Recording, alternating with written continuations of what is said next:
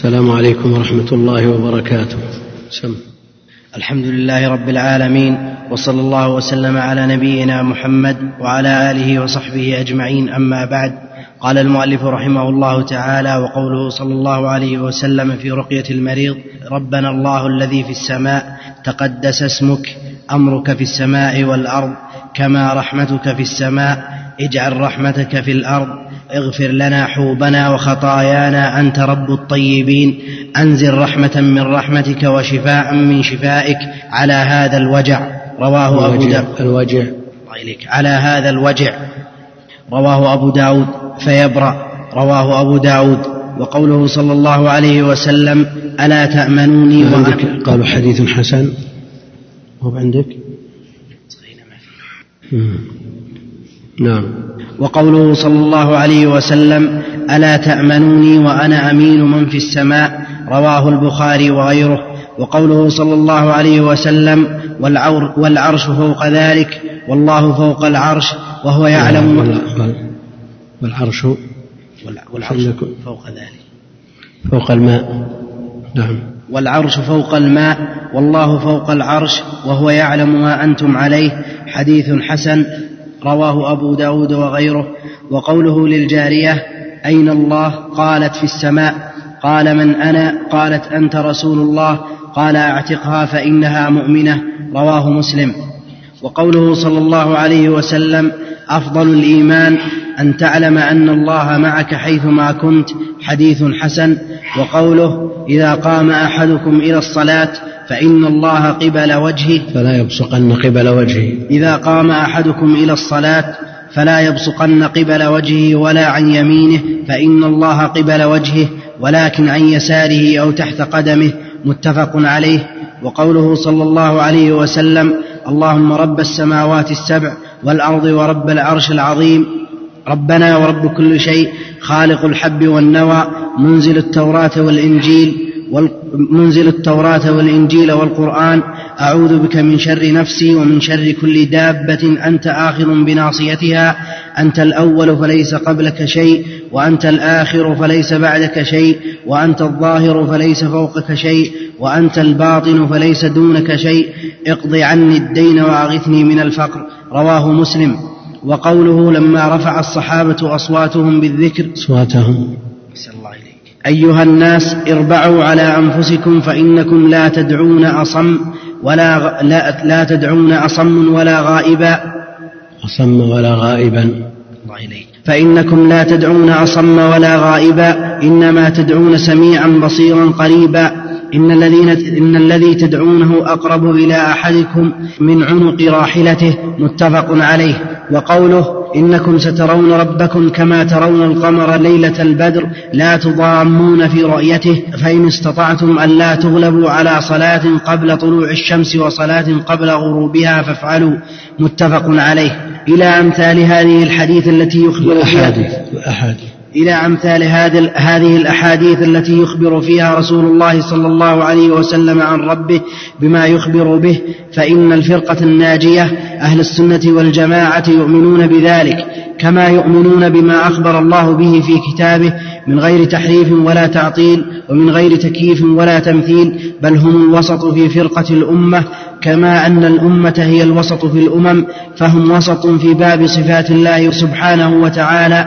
بين أهل التعطيل الجهمية وأهل التمثيل المشبهة وهم وسط في باب أفعال الله. قف على هذا الحمد لله رب العالمين وصلى الله وسلم وبارك على عبده ورسوله نبينا محمد وعلى آله وصحبه أجمعين.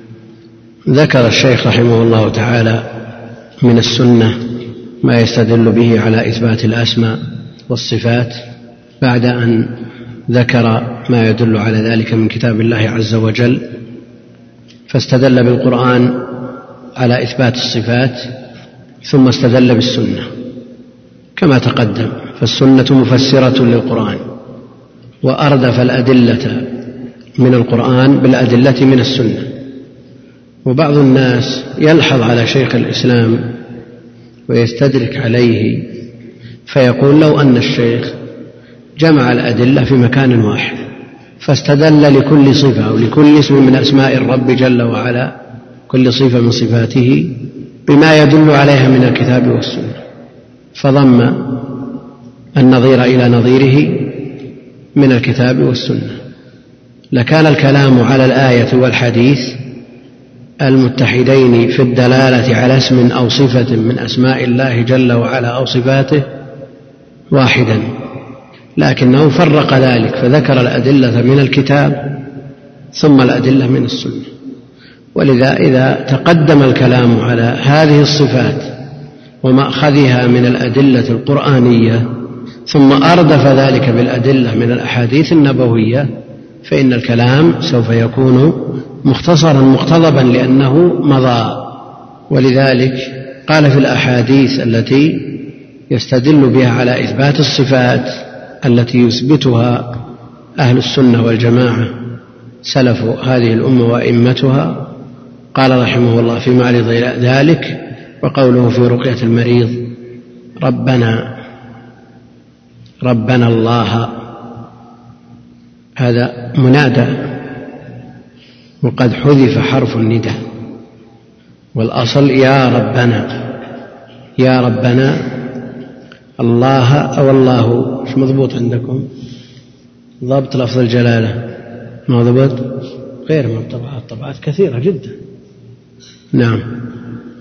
الله مضبوط بفتح غيره. وربنا بالفتح ولا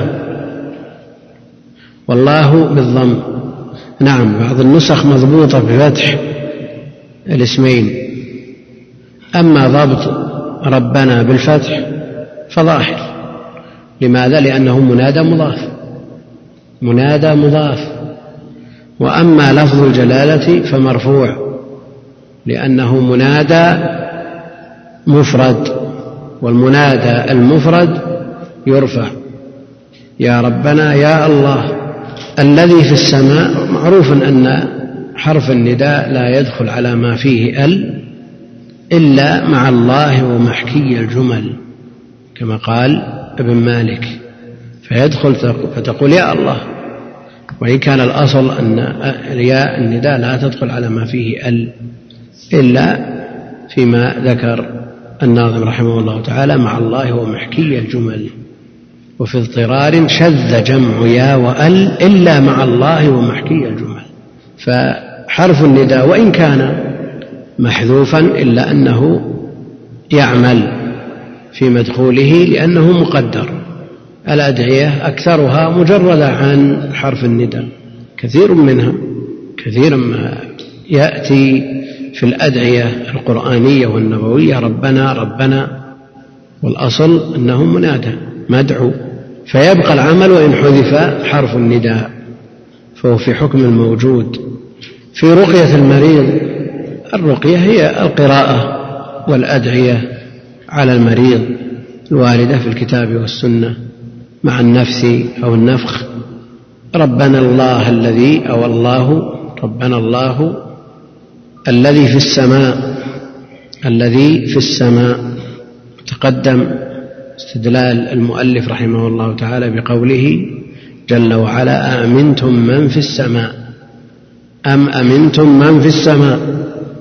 وهناك ذكرنا أقوال أهل العلم في دلالة الآية على العلو وأن في بمعنى على كما في قوله جل وعلا لأصلبنكم في جذوع النخل.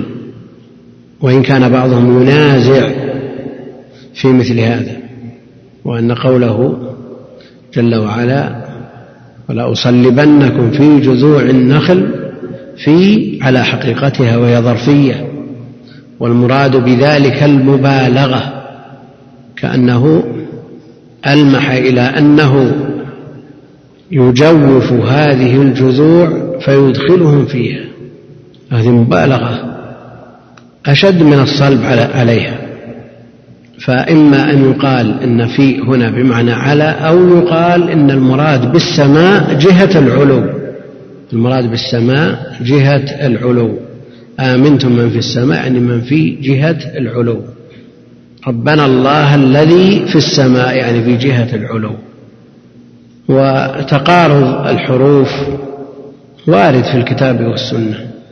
وإن كان شيخ الإسلام رحمه الله لا يميل إليه لا يميل إليه ويرجح تضمين الأفعال على تقارض الحروف. على كل حال دلالة الحديث إن صح كدلالة الآية على أن الله جل وعلا عال على خلقه مستو على عرشه بائن من خلقه. وهذا تقدم الكلام فيه. تقدس اسمك. تقديس والتقدس التطهر. اسمك تقدس اسمك. أمرك في السماء والأرض. يعني أمرك نافذ وكائن في السماء والأرض. كما رحمتك يعني كما أن رحمتك يا ربنا في السماء. اجعل رحمتك في الأرض. مفاد الخبر أن الرحمة في السماء فقط. وأنها ليست في الأرض والنصوص تدل على أنها في السماء وفي الأرض أيضا. والله جل وعلا أرسل جزءا من مائه جزء من رحمته وجعله بين الناس يتراحمون به.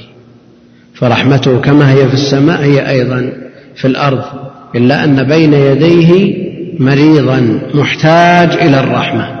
فيريد أن تنزل الرحمة على هذا المريض. فيشفى من مرضه بهذه الرحمة أو بسبب هذه الرحمة. فيريد نزولا خاصا على هذا المريض وإلا فالرحمة موجودة في الأرض كما هي موجودة في السماء.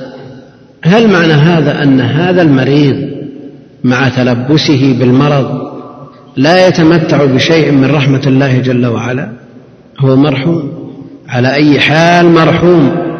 لأنه لولا هذه الرحمة لاصابه من المرض ما هو أشد بل رحمه الله جل وعلا وأصابه بهذا المرض الذي هو دون غيره في الجمله وما من مرض إلا وهناك مرض أشد منه وما من بلوى إلا وهناك ما هو أعظم منها. ولو لم يكن من رحمة الله جل وعلا لهذا المريض إلا أنه مسلم مأجور على مرضه على مصيبته. لكن إنزال هذه الرحمة إلى الأرض إنما هو إنزال خاص على هذا المريض من جهة خاصة وهي شفاء هذا المرض. نعم. كيف؟ لكنها موجودة لكنها موجودة. نعم موجودة في الأرض. بالنسبة لهذا المريض ما يلزم. ما يلزم. هذا هذا المريض محتاج إلى إذا كان إذا كانت نسبة ما أنزل من الرحمة بنسبة واحد بالمئة فبها يتراحم الخلق كلهم. فلا شك أن هذا المريض محتاج إلى رحمة الله محتاج إلى عافيته وشفائه. اجعل رحمتك بالأرض اغفر, اغفر لنا حوبنا. يا ربنا يا الله اغفر لنا حوبنا يعني ذنوبنا الكبيرة وخطايانا الصغيرة يعني اغفر واستر وتجاوز عما اقترفناه من معاص كبيرة كانت أو صغيرة. أنت رب الطيبين أنت رب الطيبين وهو أيضا رب العالمين رب الجميع رب الطيبين وغيرهم رب المؤمنين الموحدين ورب غيرهم. فهو رب العالمين. أنت رب الطيبين أنزل رحمة من رحمتك أنزل رحمة من رحمتك وشفاء من شفائك. تخصيص الطيبين في هذا السياق كأنه إشارة إلى أن هذا الرجل المريض من الطيبين فهو مستحق لهذه الرحمة. أنزل رحمة من رحمتك وشفاء من شفائك على هذا. المريض الوجع. الوجع صيغة مبالغة. فعل فيبرأ. فيبرأ أو فيبرأ. فيبرأ لماذا؟ نكمل على إيش؟ بأن المضمرة بعد فاء السببية الواقعة في جواب الطلب. فيبرأ. نعم. الوجع الوجع يعني على هذا المريض. صيغة مبالغة. فيبرأ هذا المريض يقول الشيخ رحمه الله حديث حسن. هذا موجود في كل النسخ ولا دون بعضها دون بعض؟ ما علينا من التعليق الله يصلح قلبك. علينا من كلام الشيخ الآن. الشيخ يقول حديث حسن. وسبق أن قال في حديث عجب ربنا من قنوط عباده وقرب غيره. ينظر إليكم أزلين قانطين فيظل يضحك يعلم أن فرجكم قريب حديث حسن. وأشرنا إلى أنه حديث ضعيف. وهذا أيضا ضعيف. والذي يليه أفضل الإيمان أن تعلم أن الله معك حيثما كنت حديث حسن يقول وهو حديث ضعيف. يعني كأن هذا شيء مضطرد. أنه يعبر عن الضعيف بالحسن. يعبر عن الضعيف بالحسن. لأنه رحمه الله يرى أن ما ثم إلا صحيح أو ضعيف. وأن الضعيف الذي يشير إليه الإمام أحمد رحمه الله أنه هو الحسن في اصطلاح الترمذي. الآن نستحضر هذا هذا مر عليكم في المصطلح. أن الإمام أحمد عرف عنه وثبت عنه أنه يحتج بالضعيف في الفضائل. وشيخ الإسلام لا يرى هذا الرأي فيوجه كلام الإمام أحمد رحمه الله أن المراد بالضعيف هو الحسن في اصطلاح الترمذي ومن جاء بعده وأنه لا يعرف في عصر الإمام أحمد تقسيم الحديث إلى ثلاثة أقسام وأنه ما ثم إلا ثابت أو غير ثابت صحيح ولا ضعيف؟ إذا كان هذا اصطلاحه يمشي كلامه هنا حديث حسن في ثلاثة مواضع وهو ضعيف؟ نعم. لكن أهل العلم على التضعيف على التضعيف والآفة موجودة العلة موجودة. نعم. كيف؟ كلام الشيخ رحمة الله عليه حين موجه كلام الإمام أحمد بأن مراد الإمام أحمد بالضعيف حينما قال يحتج بالضعيف في الفضائل دون الأحكام مراده بالضعيف الحسن. فهل نقول إن مراد الشيخ رحمه الله بالحسن الضعيف؟ فنقلب كلام الشيخ ويمشي مضبوط على لأن ثلاث مواضع متتابعة يقول حسن هو ضعيف. هل نقول إن مثل هذا يخفى على الشيخ رحمه الله؟ علل هذه الأحاديث تخفى على الشيخ؟ ما يمكن. نعم. لا يحكم يحكم بكثرة. هذا الأصل عنده الضعيف ضعيف.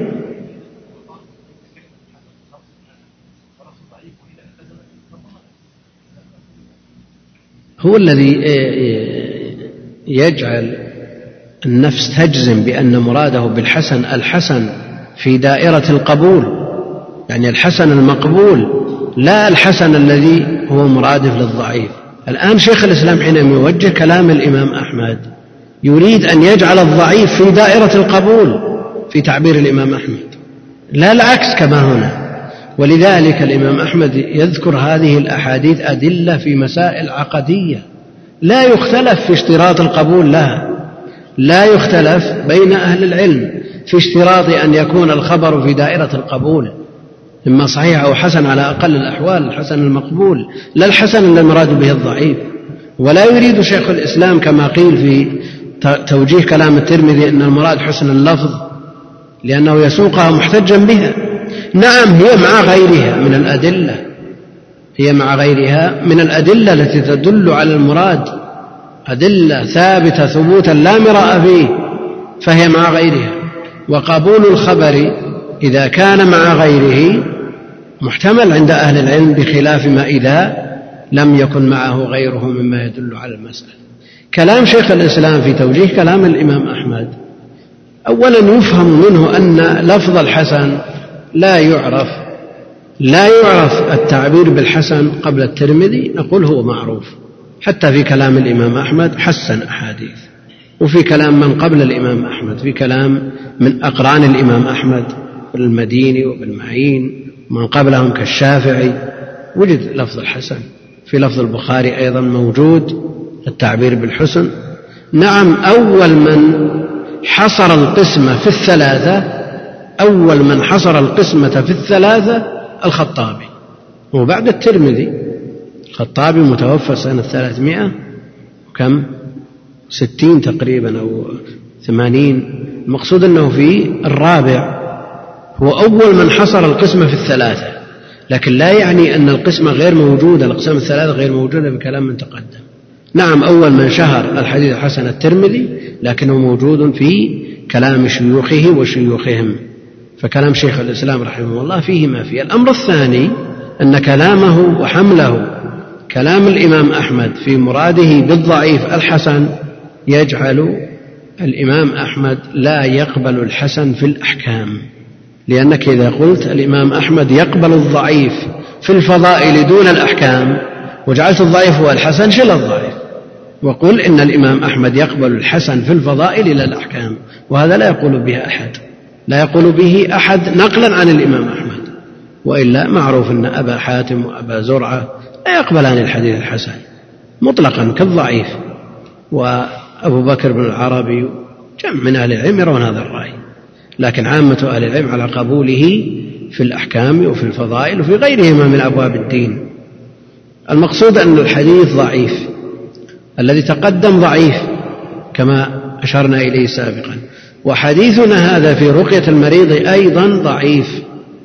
رواه أبو داود وأحمد وابن عدي. وهو ضعيف بل ضعيف جدا. ضعيف جدا في إسناده. زيادة بن محمد الأنصاري. منكر الحديث. منكر الحديث. أني في معرض حشد الأدلة وهذه مسألة منهجية ينبغي أن يعنى بها طالب العلم. شيخ الإسلام لا يرى الاحتجاج بالضعيف مطلقا لكنه في معرض سياق الأدلة. يقول لا مانع من إيراده كإيراد أخبار الأمم السابقة وما جاء عنها لأن الحكم قام بغيرها. فأن تذكر الدليل من القرآن وما صح من السنة وما دونه إلى أن تصل إلى الضعيف وتصل أيضا إلى ما ينقل عن الأمم السابقة من أخبار بني إسرائيل مما هو في المسألة لأنك تحتج به وتعتمد عليه العمدة في غيره. ولذا آه، في كتاب التوحيد للإمام المجدد رحمه الله استدرك بعض الناس بعض الأحاديث لكن هل الشيخ اعتمد على هذه الأحاديث؟ أو صدر الباب بآية ثم أحاديث صحيحة ثم أورد هذا الحديث على طريقة شيخ الإسلام. فالحكم ثابت بغيره. نعم.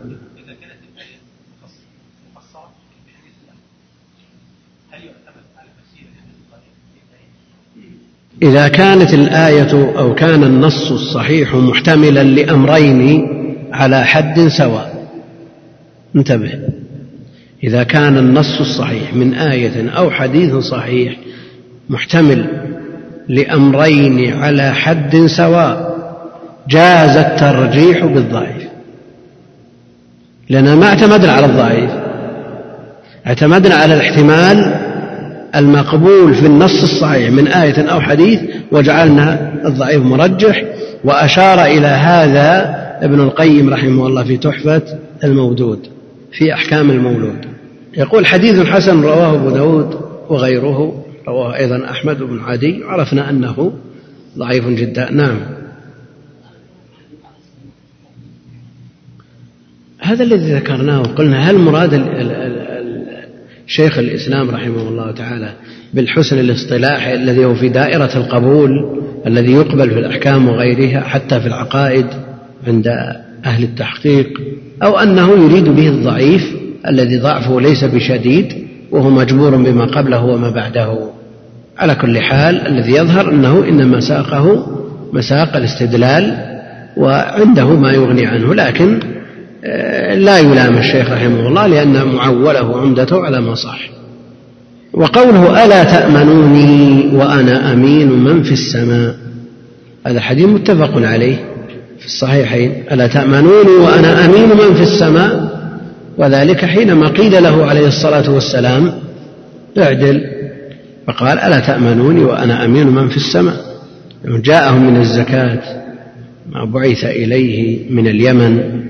ففرقها بين أربعة من أهل نجد وترك غيرهم. فقيل له اعدل.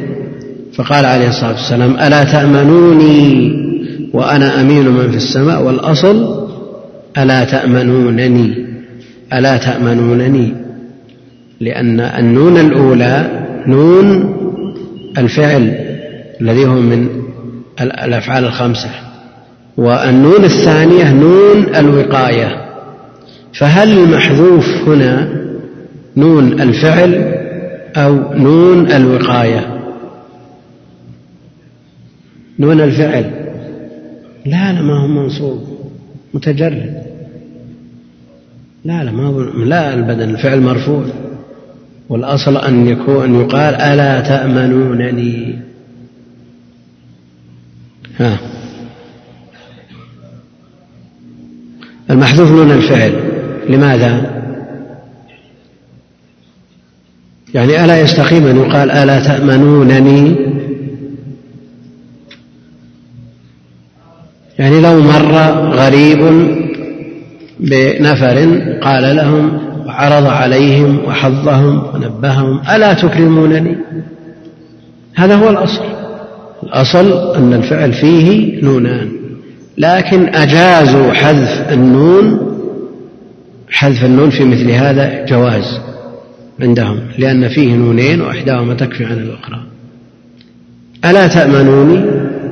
وأنا أمين من في السماء. ألا تأمنوني؟ وأنا أمين من في السماء. والشاهد في قوله من في السماء. وهذا من أدلة العلو لأن السماء هي جهة العلو. والله جل وعلا في هذه الجهة. حديث صحيح ومتفق عليه. وقوله العرش فوق الماء. لما ذكر السماوات وما بين كل سماء والتي تليها قال والعرش فوق الماء والله فوق العرش. والله جل وعلا فوق العرش.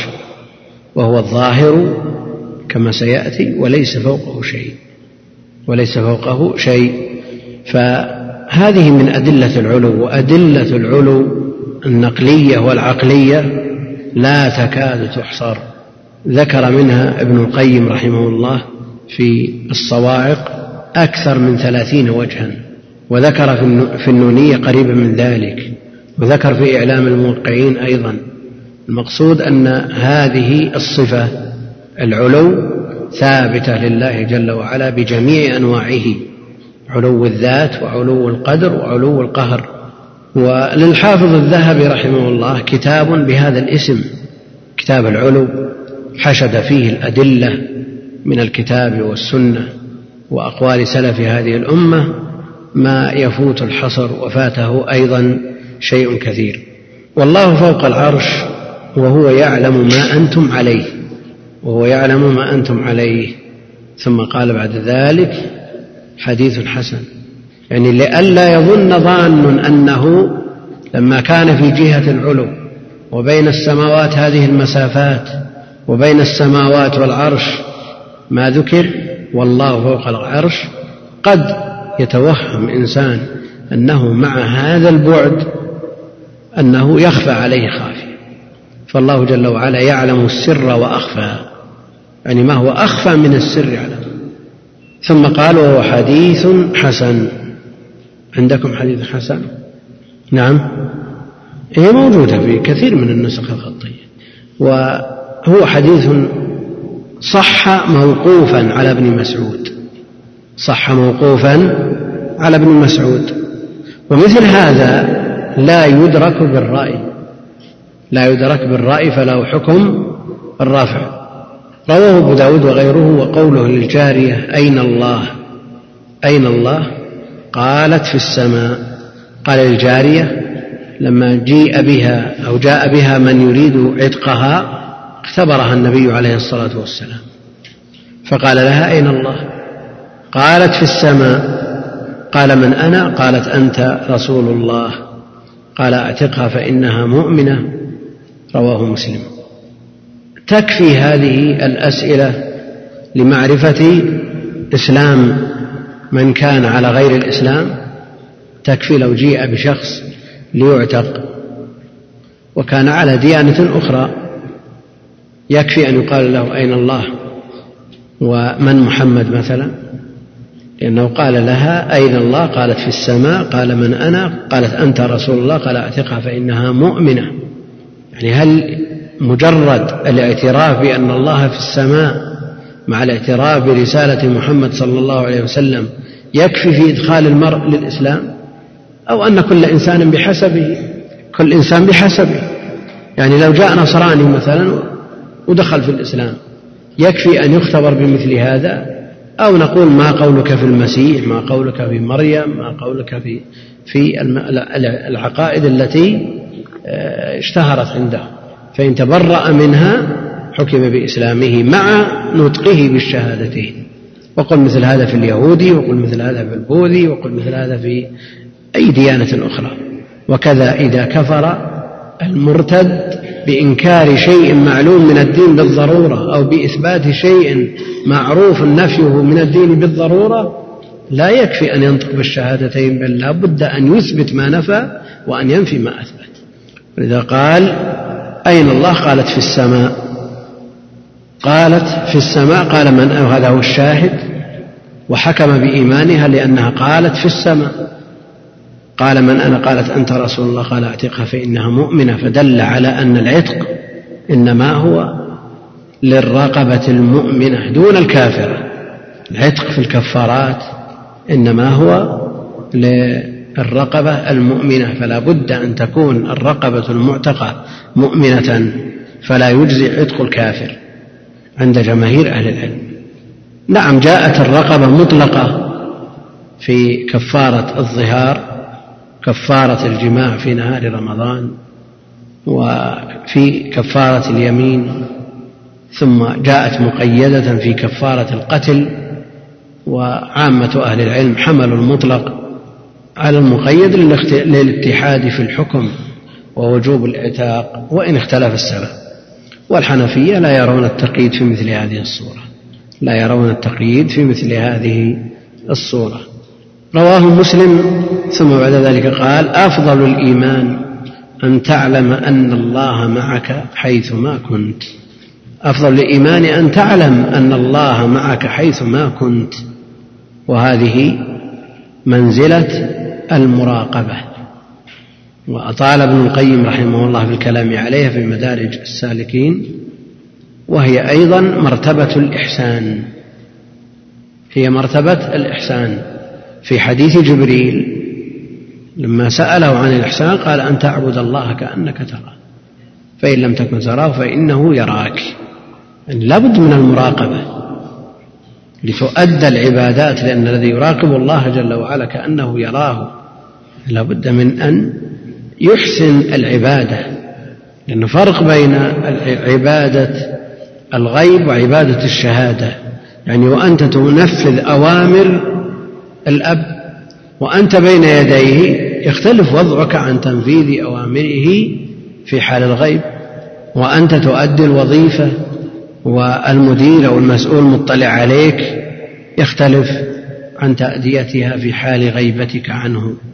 وإن كانت هذه الأمور وهذه الأوامر يجب أن تكون الرقابة مع الله جل وعلا لا للمدير ولا لغيره لأن هذه مما يتعبد بها.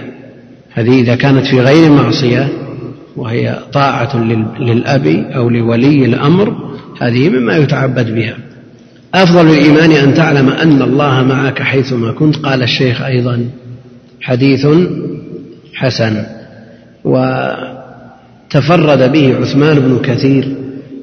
عثمان بن كثير قالوا لم يذكر بجرح ولا تعديل. لم يذكر بجرح ولا تعديل. وهذه المسألة مسألة اهتم بها أهل العلم. كثيرا ما يذكر البخاري الراوي في تاريخه الكبير ولا يذكر فيه جرحا ولا تعديلا. وابن أبي حاتم يذكر الراوي ولا يذكر فيه جرحا ولا تعديلا. هذا كثير عندهما منهم من يرى أنه إذا سكت عنه البخاري أو ابن أبي حاتم فهو ثقة. وهذا منهج الشيخ أحمد شاكر رحمه الله. كثيرا ما يقول ذكره البخاري وابن أبي حاتم فلم يذكر فيه جرحا ولا تعديلا فهو ثقة. وقد يقول فهذه أمارة توثيقه فهذه أمارة توثيقه. والصواب في هذه المسألة أنهما لم يطلعا فيه على جرح ولا تعديل فهو مجهول. وفي مقدمة الجرح والتعديل ذكر ابن أبي حاتم أنه ذكر بعض الرواة ولم يقف فيهم على جرح ولا تعديل وبيض للحكم فعلى هذا قول من يرى التوثيق قول مرجوح. فلا ينسب لساكت قول إنما مثل هذا في حيز الجهالة. والشيخ يقول حديث حسن. فهل الشيخ ممن يرى أن من لم يذكر فيه جرح ولا تعديل يعني لا يوجد فيه ما يقتضي رد حديث من التجريح ولا ما يقتضي القبول من التعديل فحينئذ يتوسط فيه. يتوسط في أمره فلا يقال ضعيف لأنه لم يجرح ولا يقال صحيح لأنه لم يوثق فيتوسط في أمره. وإن كان ابن حبان مثل هذا إذا روى حديثا ليس فيه ما ينكر عليه أنه يدخله في ثقاته ويخرج عنه في صحيحه. لكن هذا من تساهله رحمه الله. نعم. إذا جاءنا الراوي الذي لا نعرف عنه شيئا أولا لا بد أن يكون عدلا ليكون مقبول الرواية. والشهادة أشهدوا ذوي عدل منكم. لا بد من أن تثبت العدالة. وإذا لم تثبت العدالة فهو في حيز الجهالة. لم يتحقق الشرط شرط العدالة. نعم. ما نقول اتهام ولا غيره لأن الأصل في المسلم يعني الأصل في الإنسان أنه ظلوم جهل. هذا الأصل في الإنسان. ومع ذلك إذا أسلم فالأصل أن المسلم بناؤه على الستر. لكن القبول قدر زائد على مجرد التعامل. يعني تتعامل معه على أنه مسلم بريء من جميع ما يتهم به حتى تثبت التهمة. هذا الأصل. لكن إذا أردت أن تتعامل معه على أساس أنه يشهد بحق لمسلم على غيره هذه حقوق العباد. إذا أدى حديثا وأنت لا تعرف وأنه لا بد من شرط العدالة يعني العدالة ما ثبتت إلى الآن. نعم؟ يعني مجرد الإسلام نعم من أهل العلم من لم يشترط في قبول الراوي قدر زائد على الإسلام. لكن لا شك أن هذا قول في غاية التساهل بل لا بد أن يعرف بالعدالة. لذلك يطبقون على أن الجهالة منهم من يجعلها جرح مباشرة يضعف الحديث بالراوي المجهول ومنهم من يجعل الجهالة عدم علم بحال الراوي. ومع ذلك لا يقبل الحديث بل يتوقف فيه.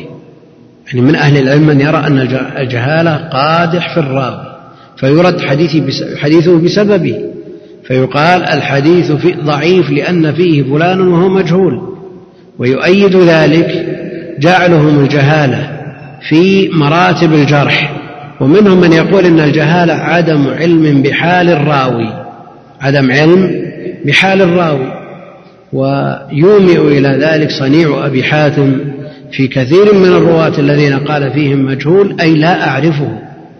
فليست بقادح على هذا. كون أبي حاتم لا يعرفه قد يعرفه غيره وحينئذ يتوقف في الحكم على الحديث حتى يعرف هذا الراوي. يعني ما يحكم عليه مباشرة. والحافظ بن حجر في النخبة يقول ومن المهم معرفة أحوال الرواة جرحا أو تعديلا أو جهالة فجعل الجهالة قسيم لا قسم من الجرح. فعلى هذا لا بد أن يكون الراوي معروفا بالعدالة. وقوله عليه الصلاة والسلام إذا قام أحدكم إلى الصلاة فلا يبصقن قبل وجهه ولا عن يمينه فإن الله قبل وجهه ولكن عن يساره أو تحت قدمه متفق عليه. شيخ الإسلام في العقيدة الحموية يقول رحمه الله تعالى وذلك قوله صلى الله عليه وسلم إذا قام أحدكم إلى الصلاة فإن الله قبل وجهه فلا يبصقن قبل وجهه. الحديث حق على ظاهره وهو سبحانه فوق العرش وهو قبل وجه المصلي. بل هذا الوصف يثبت للمخلوق فإن الإنسان لو أنه يناجي السماء أو يناجي الشمس أو القمر لكانت السماء والشمس والقمر فوقه كانت أيضا قبل وجهه. يعني وهي في السماء.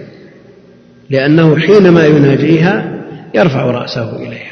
لكن هل المصلي حينما يصلي يرفع رأسه إلى جهة العلو؟ يعني هل كلام الشيخ مطابق لما نحن فيه؟ يعني كلامه في الحموية.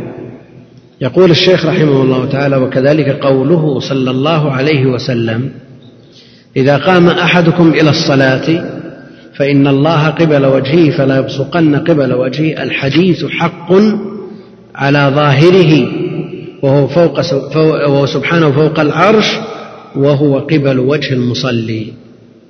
بل هذا الوصف يثبت للمخلوق فإن الإنسان لو أنه يناجي السماء أو يناجي الشمس والقمر لكانت السماء والشمس والقمر فوقه كانت أيضا قبل وجهه. متى تكون قبل وجهه؟ نعم. هذا بالنسبة للشمس والقمر. كذلك. يعني إذا كانت قريبة من الأرض في رؤية في الرؤية قريبة من الأرض فهي في السماء في جهة العلو ومع ذلك قبل وجهه.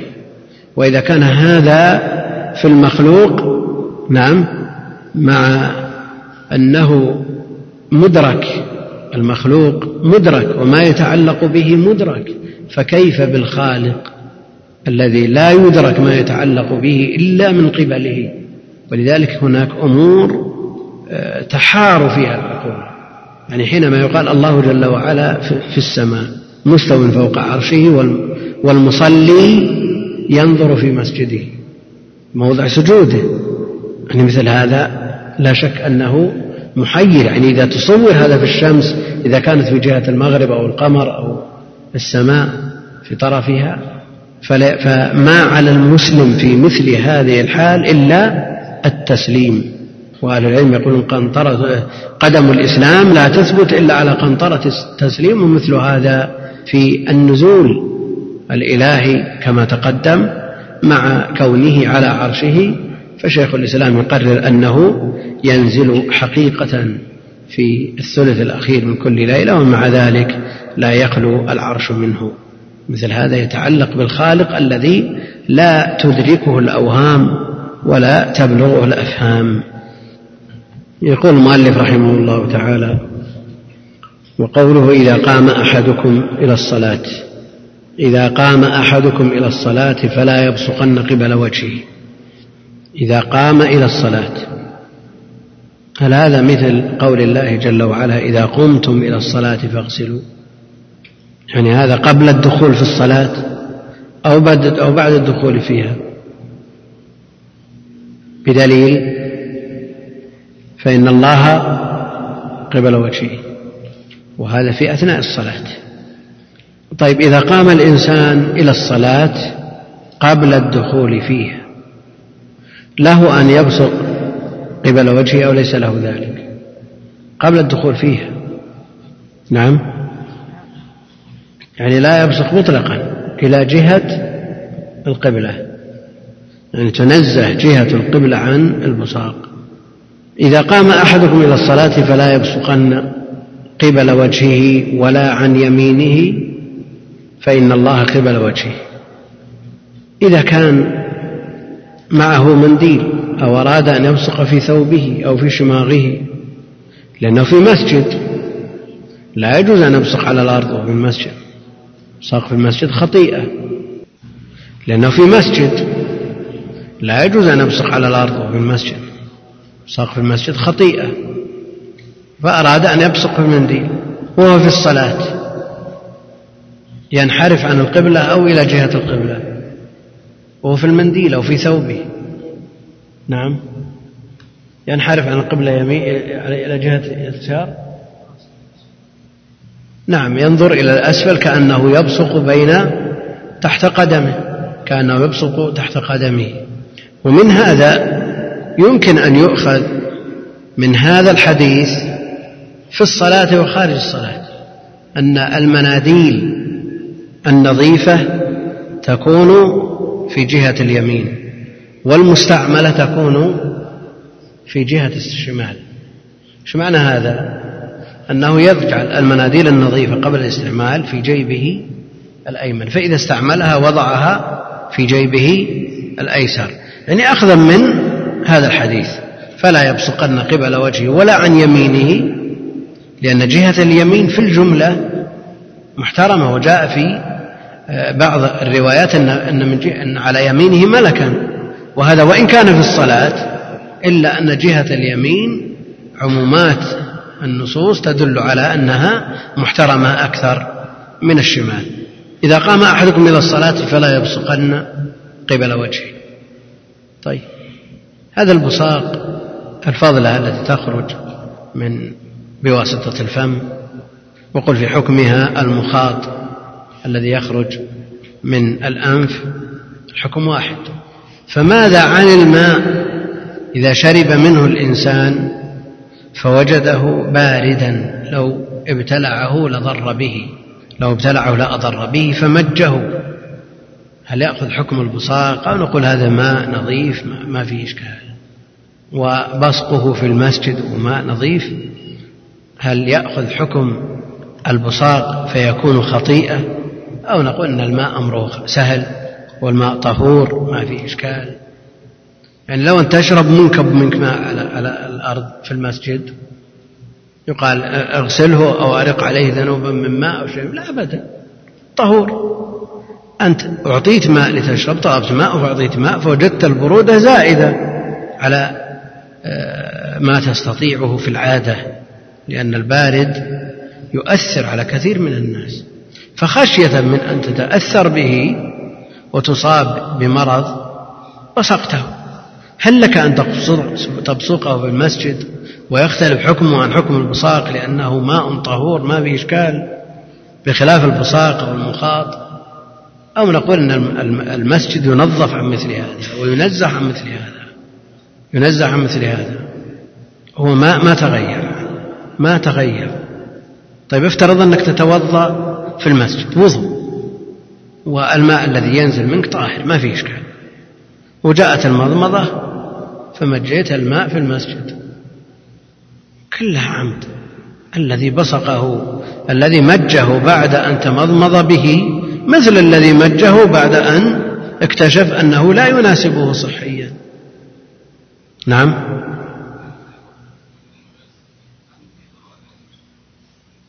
أنا أريد الفرق بين مثل هذا الماء الطيب الطاهر الذي أدخل الفم ثم أرجع منه. ولم يتغير وما أصيب بأي أذى أو قذر هل يختلف هذا عن صب الماء من من الإناء النظيف؟ لا شك أن فيه شبه من البصاق لأنه من نفس المخرج يخرج. وفيه شبه من الماء النظيف باعتبار أنه لم يتغير ولم يتلوث بشيء وحينئذ يستعمل فيه قياس الشبه. طيب أنت ماذا تصنع بالماء إذا كنت تضر بشربه؟ أن تمسكه حتى تخرج من المسجد فتمجه؟ لا شك أن هذا أكمل. نعم. لكن إذا كان بينك وبين آه، خارج المسجد مفاوز. أنت بقرب الكعبة مثلا. شربت من الماء وجدته بارد بردا شديدا. لا بد أن تخرج إلى آه، خارج المسجد لكي تمجه. نعم. كيف؟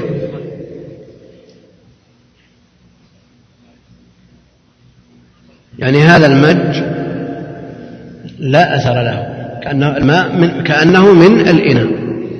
والنبي عليه الصلاة والسلام مج في وجه محمود بن الربيع من الدلو وقد عقل هذه المجة وعمر خمس سنين.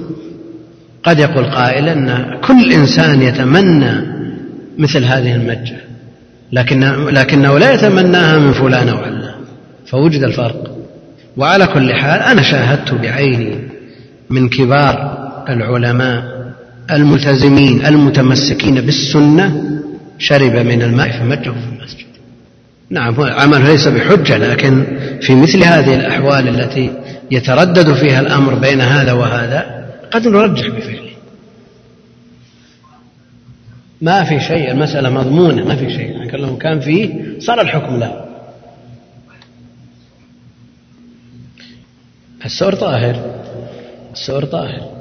لكن من يقول أن المراد بالسؤر المخرج من الفم؟ السؤر الذي يبقى من في الإناء هذا السؤر. نعم. هو إذا قلت أنه طاهر ويجوز في المسجد ما في إشكال. قلت الطاهر حتى لو أخذت من هذا الإناء ومججت آه، كببته في جهة القبلة ما حد يلومك. لأنه ماء طهور. نعم.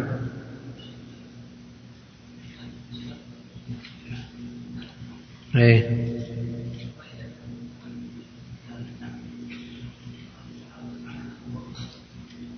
إذا كان مما يستقذر في العادة. لا شك أنه في مجتمعنا مستقذر. مستقذر. ورأيناه في مجتمعات كثيرة ليس بمستقذر. رأيناه في بعض المجتمعات لا يستقذر. الحكم حكم الماء العادي.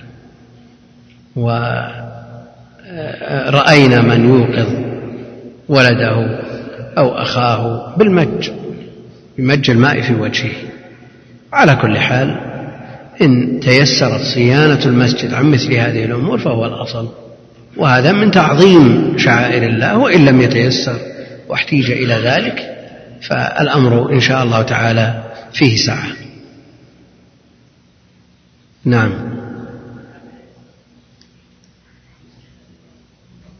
إذا كان داخل سور المسجد فهو مسجد.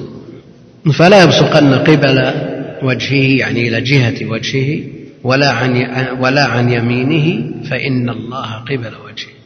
فأينما تولوا فثم وجه الله. ولكن عن يساره.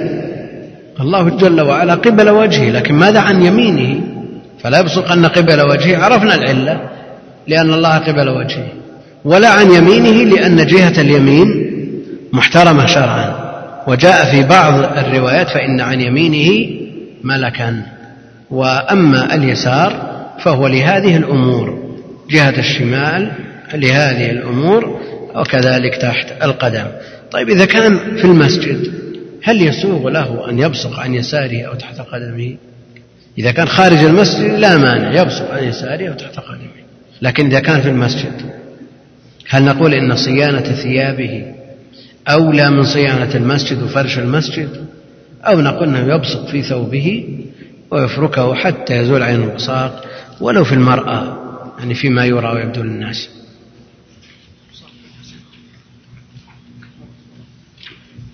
كفارتها دفن ويقول أنا أبصق ثم أدفن. يمكن أن أقول هذا؟ لكن ماذا عن الفرش؟ يستطيع أن يدفن الفرش؟ إذا كان تراب أمر سهل لكن إذا كان المسجد مفروش فلا. هذا يقول أن أحد الدكاترة يقول أن شيخ الإسلام مشبه وذلك أنه شبه نزول الله بنزول روح الإنسان إلى جسده وذكر مرجع آه، كلام الشيخ الفتاوى. على كل حال الشيخ رمي بهذا وأول من رماه بهذا ابن بطوطة في رحلته وقال أنه نزل من المنبر وقال إن الله ينزل كنزول هذا. ولا شك أن هذه فرية على شيخ الإسلام. أما الكلام هذا الذي ذكره إن كان أنا لا أذكر هذا الكلام في مجموع الفتاوى إن كان المراد بهذا فهو تشبيه للنزول بالنزول لا تشبيه النازل بالنازل كتشبيه الرؤية بالرؤية ولا دون تشبيه المرء بالمرء. والله ما أدري شو يقول هذا. يقال أنه تصدى له أكثر من ثلاثمائة عالم فله أكثر من ثلاثمائة شرح. المختصر أقدم متون الحنابلة لعله يقصد مختصر الخرقي هذا قيل فيه أنه تصدى له أكثر من ثلاثمائة عالم آه، وشرح. المختصر أقدم متون الحنابلة صحيح. الطبعة التي تحقيق محمد بن إسماعيل لا بأس بها هذا يعني عليها بعض آه، الملاحظات التي عدلت وصححت في وقتها. وأما الطبعة الأولى هي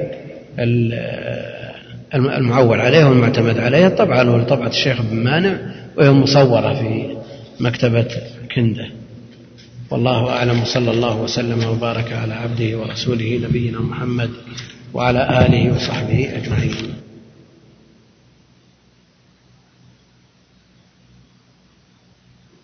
السلام عليكم ورحمة الله وبركاته. يقول يقول الله جل وعلا؟ ويوم يناديهم فيقول ماذا أجبتم المرسلين؟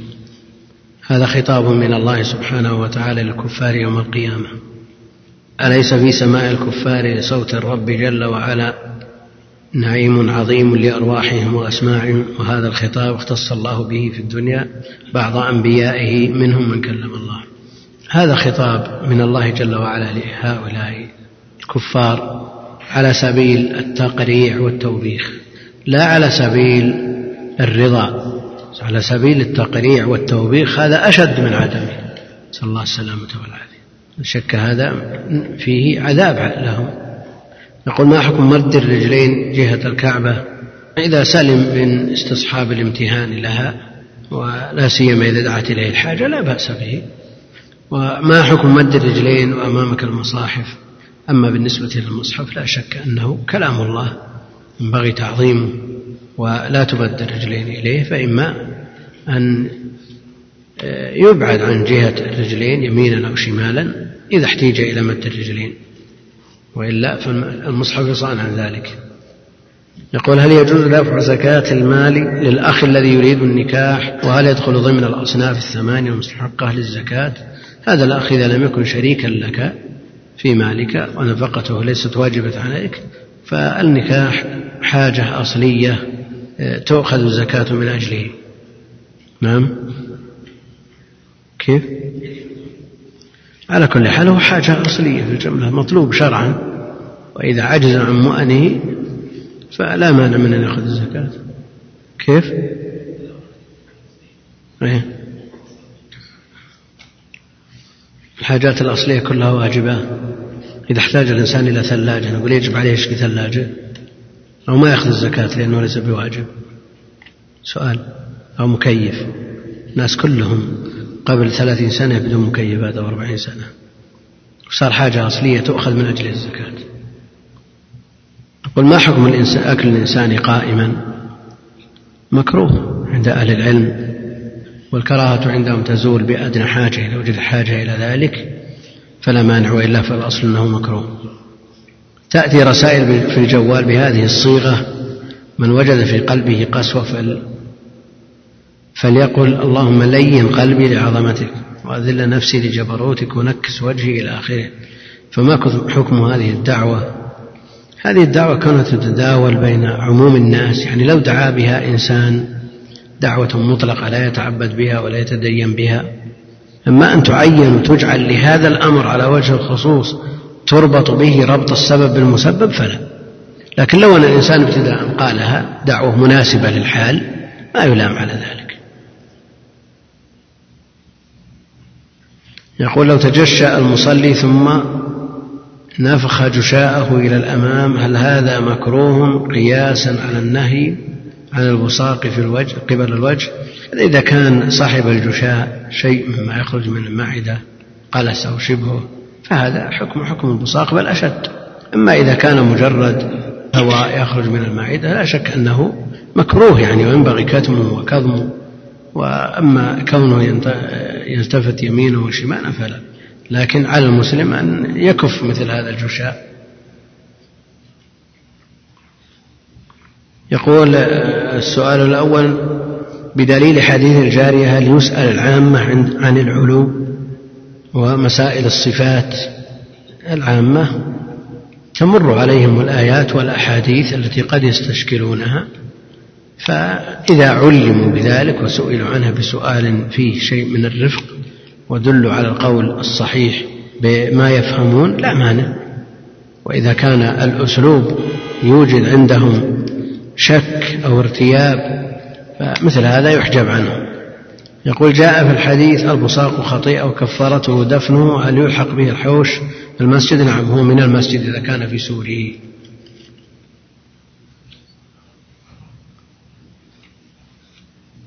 هل يوجد نهي في السنة عن التحلق يوم الجمعة؟ جاء الخبر في سنن أبي داود لكنه محمول عند أهل العلم على من يضيق على المصلين الذين تقدموا لصلاة الجمعة.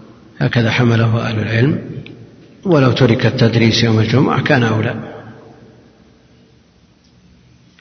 يقول نرجو تبيين أفضل الطبعات لهذه الكتب. تفسير القرطبي ذكرت مرارا أن طبعة دار الكتب المصرية معتنى بها عناية فائقة محققة على نسخ كثيرة لا سيما الثانية. بعض الأجزاء على ثلاث عشرة نسخة وأقل الأجزاء على ثمان نسخ. وفيه الإحالات على السابق واللاحق إلا أنه ينقصه تخريج الأحاديث. فتؤخذ طبعة دار الكتب المصرية ويستعان بالطبعات الحديثة التي فيها التخريج. مختصر الخرقي الطبعة الأولى طبعة الشيخ بن مانع أفضل الطبعات. موطأ الإمام مالك فيه طبعة محمد فؤاد عبد الباقي التي اعتمدناها في الدرس وفيه أيضا طبعة بشار عواد معروف طبعة جيدة. الموافقات الطبعة التي علق عليها الشيخ محمد عبد الله دراز. طبعة مصرية في أربعة مجلدات. وإن اعتمد الإنسان على الطبعة الجديدة بتحقيق مشهور الشيخ مشهور طيبة. يقول معلوم أن من صام رمضان ثم أتبعه ستا من شوال كان كصيام الدهر وذلك لأن الحسنة بعشر أمثالها فهل يصح أن يصام ستة أيام مثلا من القعدة بدل شوال؟ وأن صيام الواحد في شوال وغيره سواء إذا إذ أن الحسنة بعشر أمثالها فما توجيهكم. الحسنة متفاوتة. حسنة رمضان غير حسنة شوال. حسنة رمضان غير حسنة شوال. وغير حسنة الأشهر الحرم. تفاوت الحسنة التي فعلت في المكان الفاضل أو الزمان الفاضل. والست الملحقة برمضان من شوال لها حكم رمضان. بينما لو صام ستة أيام من القعدة من الحجة ما أدرك هذا الفضل. ما حكم دفع زكاة المال لأحد الأشقة أو الإخوة الذي يريد الزواج؟ وهل هو من أصناف الثمان المستحقة تقدم الجواب عنه يقول إذا مات الرجل هل يرى الله أم ينتظر إلى يوم القيامة ويراه؟ الرؤية إنما هي من نعيم أهل الجنة في يوم المزيد. في يوم المزيد ولا تحصل لكل أحد ولذا جاء الحث على على ما سيأتي على صلاتي الصبح والعصر لأن الله جل وعلا في الجنة يرى في طرفي النهار. ورد في البخاري حديث عن النبي صلى الله عليه وسلم في رقية المريض وهو قوله بسم الله تربة أرضنا بريقة بعضنا يشفى سقيمنا بإذن ربنا فهل التربة خاصة بتربة المدينة؟ وهل هو خاص بريقه عليه الصلاة والسلام؟ لا ليس خاصا بتربة المدينة ولا بريق النبي عليه الصلاة والسلام. وقال تربة أرضنا بريقة بعضنا. قال بريقتي لما قال بريقة بعضنا هو غيره وإن كان عليه الصلاة والسلام فيه من البركة ما لا يوجد في غيره وفي دعائه من الإجابة ما لا يوجد نظيره في غيرها المقصود أن مثل هذا ينفع وله أصل ثابت في السنة فيخلط الريق بالتراب ويمسح به المريض بإذن الله يشفى إذا لم يكن ثم مانع. لأن الرقية سبب الرقية سبب.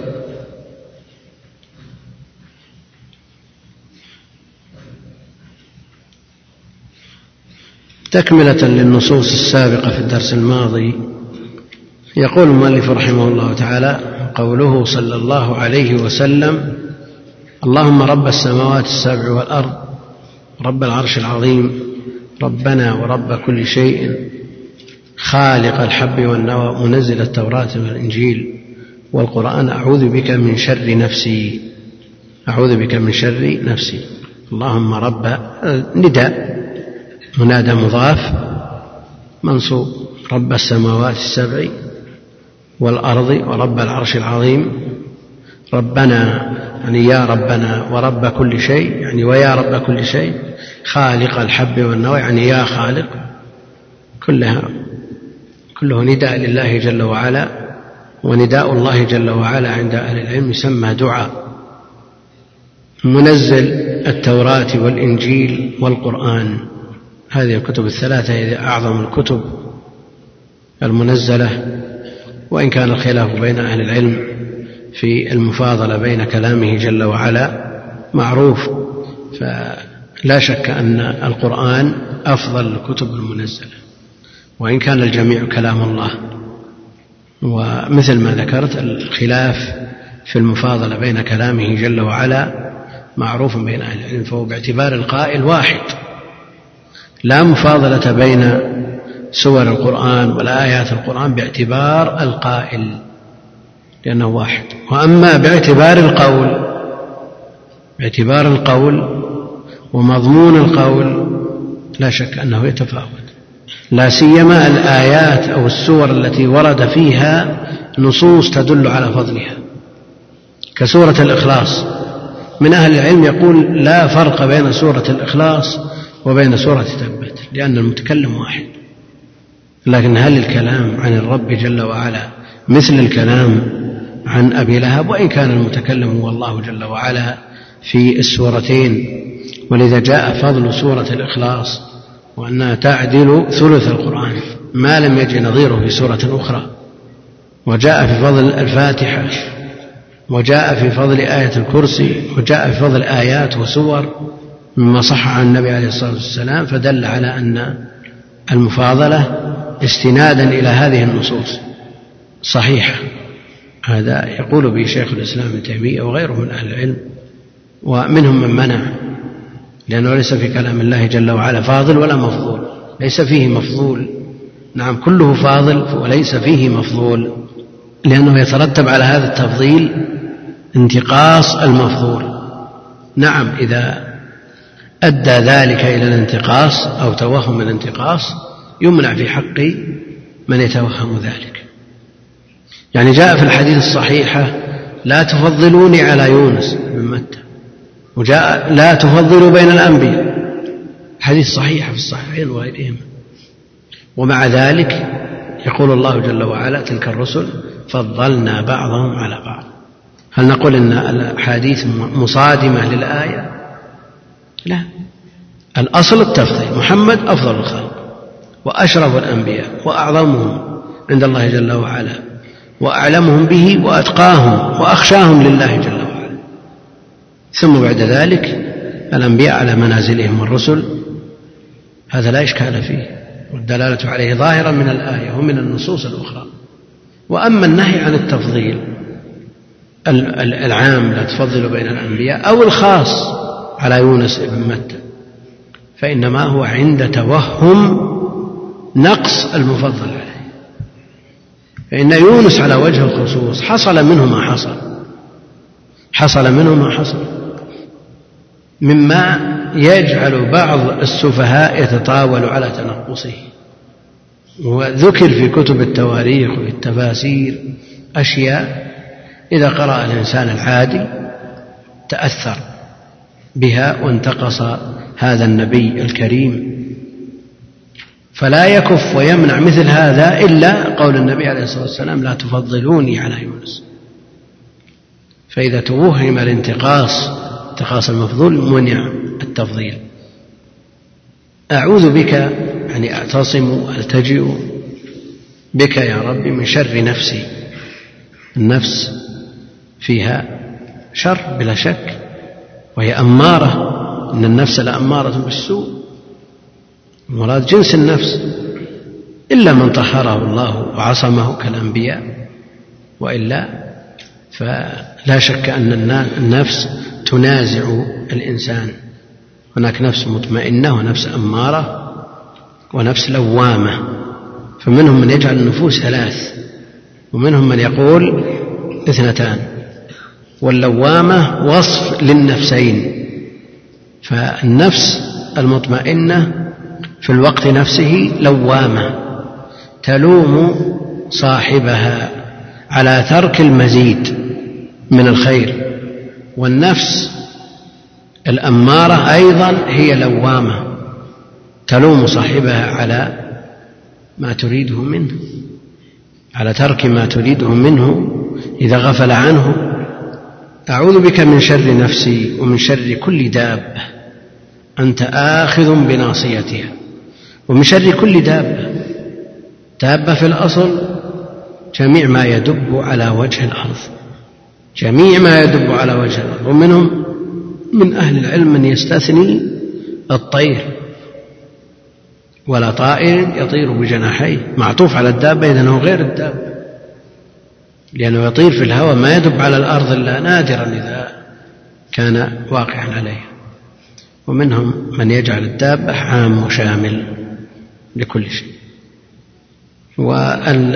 والاستعمال العرفي للدابة مخصوص بذوات الأربع. الاستعمال العرفي الدابة عرفا هي ذوات الأربع. ومن شر دابة من شر كل دابة أنت آخذ بناصيتها. الوصف كاشف. له مفهوم ولا ما له مفهوم؟ له مفهوم ولا ليس له مفهوم؟ لا مفهوم له لماذا؟ لأن مفهوم المخالفة لهذا اللفظ أنت آخذ بناصيتها أن هناك دواب ناصيتها بيد غير الله جل وعلا. هذا مفهوم المخالفة. إذن اللفظ لا مفهوم له. أنت الأول فليس قبلك شيء وأنت الآخر فليس بعدك شيء وأنت الظاهر فليس فوقك شيء وأنت الباطن فليس دونك شيء. هذا تفسير لآية تفسير لآية الحديث.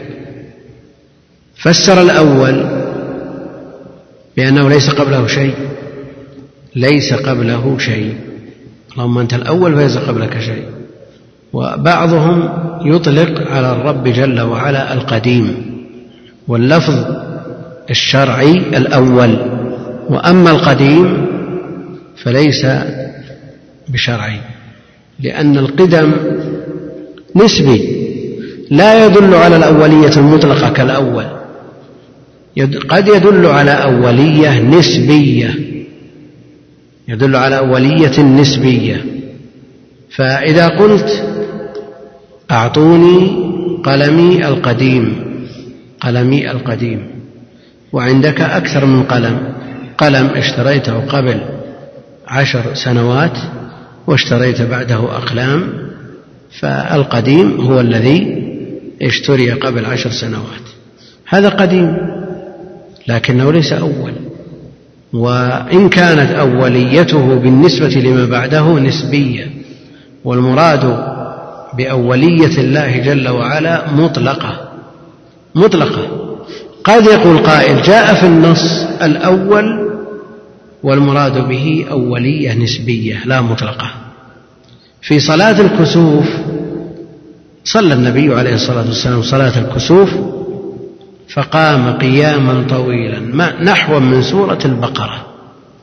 ثم ركع ركوعا طويلا ثم رفع فقرأ فقام قياما طويلا دون القيام الأول. ثم ركع ركوعا طويلا دون الركوع الأول ثم رفع ثم سجد سجدتين ثم قام للقيام الثالث. قام قياما طويلا دون القيام الأول ثم ركع ركوعا طويلا دون الركوع الأول ثم رفع من الركوع فقام قياما طويلا دون القيام الأول. الأول الأول من الأربعة أوليته مطلقة بالنسبة للصلاة ولذا يصح في القيام الثاني دون الأول الأول أولية مطلقة لكن في الثالث هل المراد به دون القيام الأول اللي هو القيام رقم واحد لا اثنين الذي قبله أو الذي قبله مباشرة؟ والرابع هل يراد به دون القيام الأول أولية مطلقة أو دون الثالث؟ نعم الأكثر على أن المراد به أن كل قيام دون الذي قبله. فأولية الثاني أولية مقيدة ليست أولية مطلقة الأولية نسبية بالنسبة لما بعده. والثالث أول بالنسبة للذي بعده هو الرابع. فمثل هذا لا شك أنه إذا دل عليه السياق انتفى الإشكال والسياق يدل على هذا والنصوص تدل عليه. وتبقى الأولية المطلقة إطلاقا لا قيد فيه بوجه من الوجوه هو لله جل وعلا. قد يقول قائل إطلاق القديم على الله جل وعلا وقد تتابع كثير من أهل العلم على إطلاقه. قد يدل عليه قوله في الحديث أعوذ بوجهك الكريم وسلطانك القديم وسلطانك القديم. هل فيه دلالة على إطلاق القديم على الله جل وعلا؟ أحيانا شيخ الإسلام يطلق القديم لكن يقرنه بالأزلي يعني المتناهي في القدم. فإذا عبر عن الشيء بما يدل عليه ولا يترك مجالا للشك والريب أو الاحتمال فشيخ الإسلام فعل هذا مع أنه ينبغي أن يتقدم أن يتقيد الإنسان بما ورد في النصوص. على كل حال إذا انتفى المحذور فالأمر فيه شيء من السعة وأنت الآخر فليس بعدك شيء. وأنت الآخر فليس بعدك شيء. فالله جل وعلا يرث الأرض ومن عليها. وأنت الظاهر فليس فوقك شيء. الله جل وعلا مستوى على عرشه بائن من خلقه. وليس فوقه شيء. وأنت الباطن فليس دونك شيء. فليس دونك شيء. إذا قلنا الظاهر العالي فليس فوقه شيء وأنت الباطن فليس دونك شيء. هل مثل هذا يقتضي أن الله جل وعلا كما ثبت له العلو يثبت له السفل في هذا النص؟ أبدا. إذا فما معنى قوله قوله أنت الظاهر فليس شيء ظاهر. وما معنى قوله أنت الباطن فليس دونك شيء. نعم؟ التي بمعنى العلم والإحاطة. نعم. فليس دونك شيء. وأنت الباطن يعني المقابلة مقابلة الجمل بعضها ببعض. الأولى أنت الأول فليس قبلك شيء وأنت الآخر فليس بعدك شيء الظاهر المقابل أنت الظاهر يعني العالي علوا مطلقا بجميع أنواع العلو فليس فوقك شيء وأنت الباطن فليس دونك شيء. نعم. التي هي بمعنى العلم والإحاطة. التي هي بمعنى العلم والإحاطة. طيب ما الذي دعانا أن نفسر هذا اللفظ بهذا؟ هذا الكلام. أنا أقول لي ما, ما الذي دعانا أن نؤول؟ نعم. يعني إثبات الباطن من باب المقابلة؟ نعم.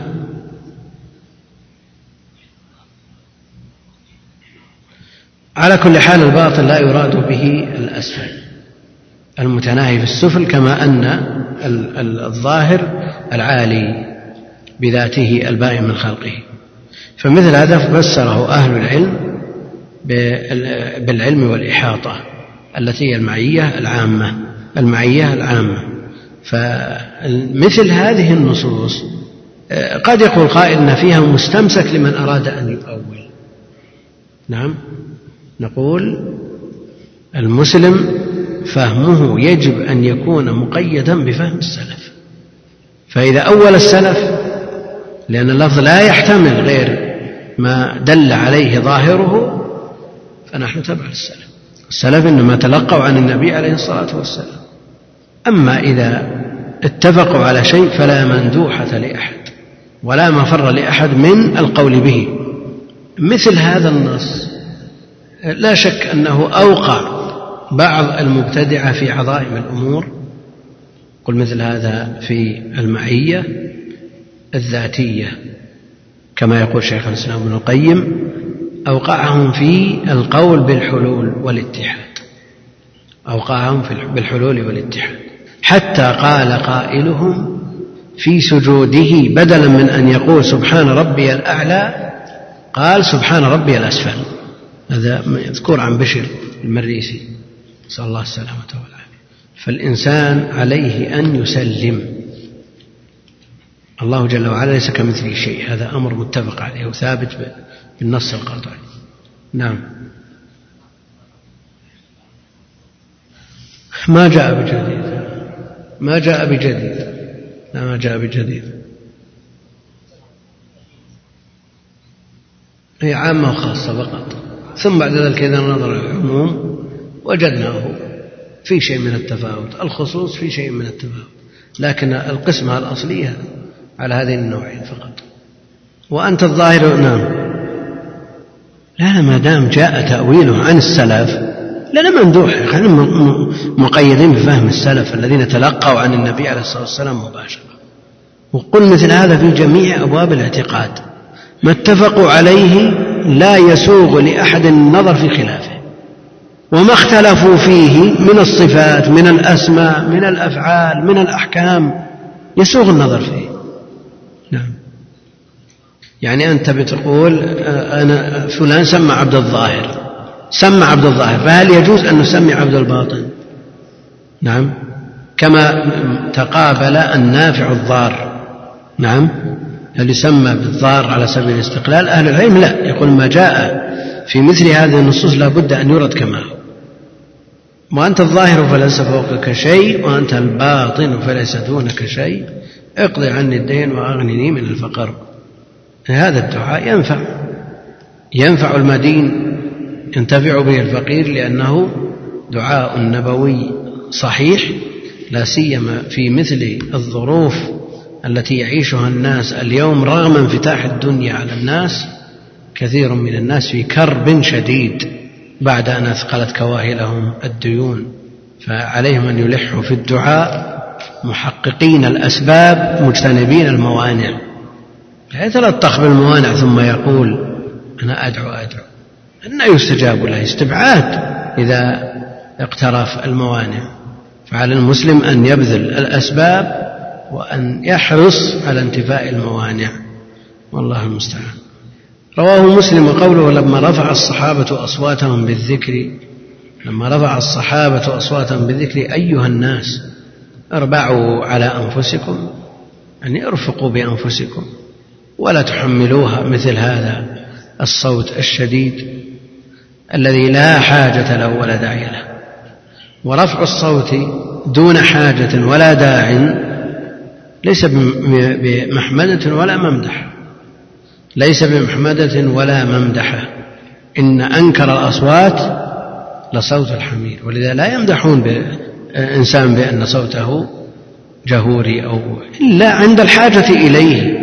عند الحاجة إليه إذا انتفع به صار نعمة. وإلا فليس بممدح إذا زاد عن الحد. كما قرر أهل العلم في تفسير سورة لقمان.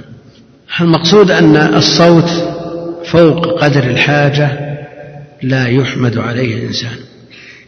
وتجد بعض الأئمة المسجد فيه يبلغ صوت الإمام جميع المأمومين بدون مكبر.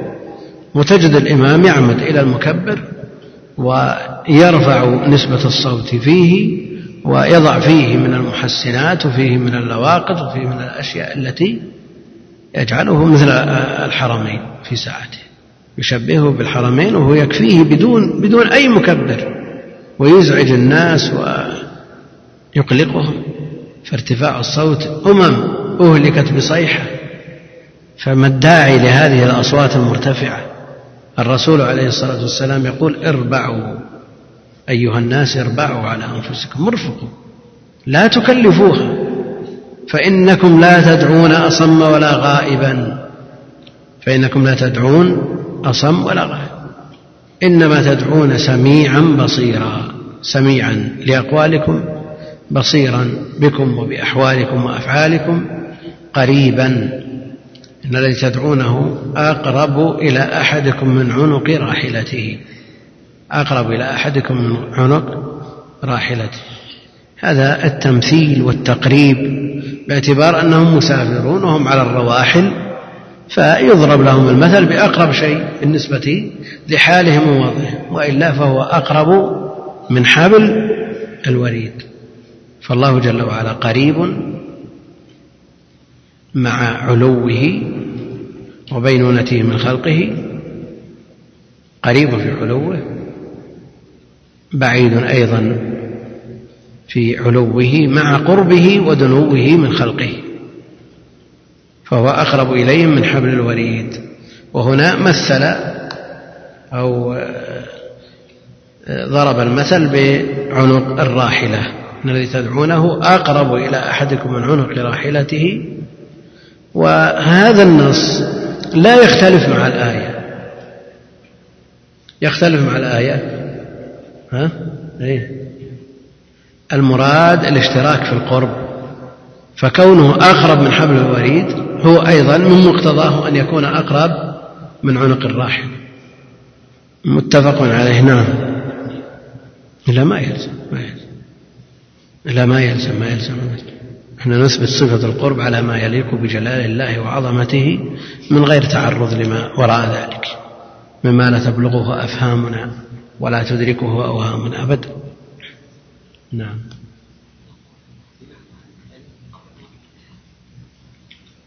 الشيء الذي لم يرد في النصوص.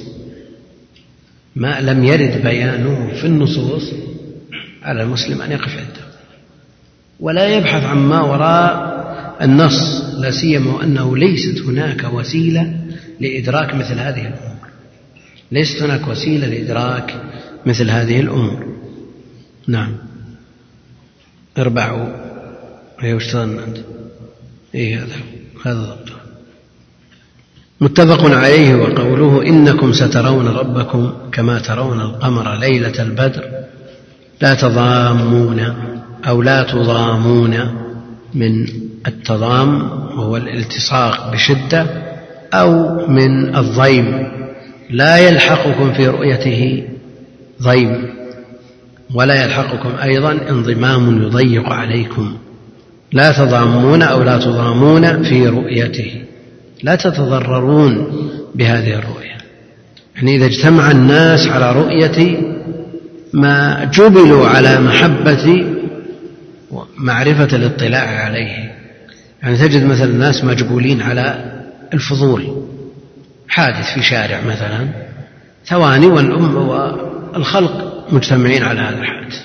فإذا كثر الجمع حصل التضام وحصل الضرر وإذا كثر قدر زائد على ما يطاق قد يحصل الدهس والقتل كما يحصل في كثير من الأحوال في المظاهرات التي توجد خارج هذه البلاد ويوجد أيضا في المجامع العامة يحصل هذا في الملاعب وقد يحصل في أبواب المساجد من السرعان التي تكثر فيها الجموع يحصل فيها شيء من الضرر. فرؤية الرب جل وعلا لا ضرر فيها ولا ضيم ولا ضم لا تضامون في رؤيته.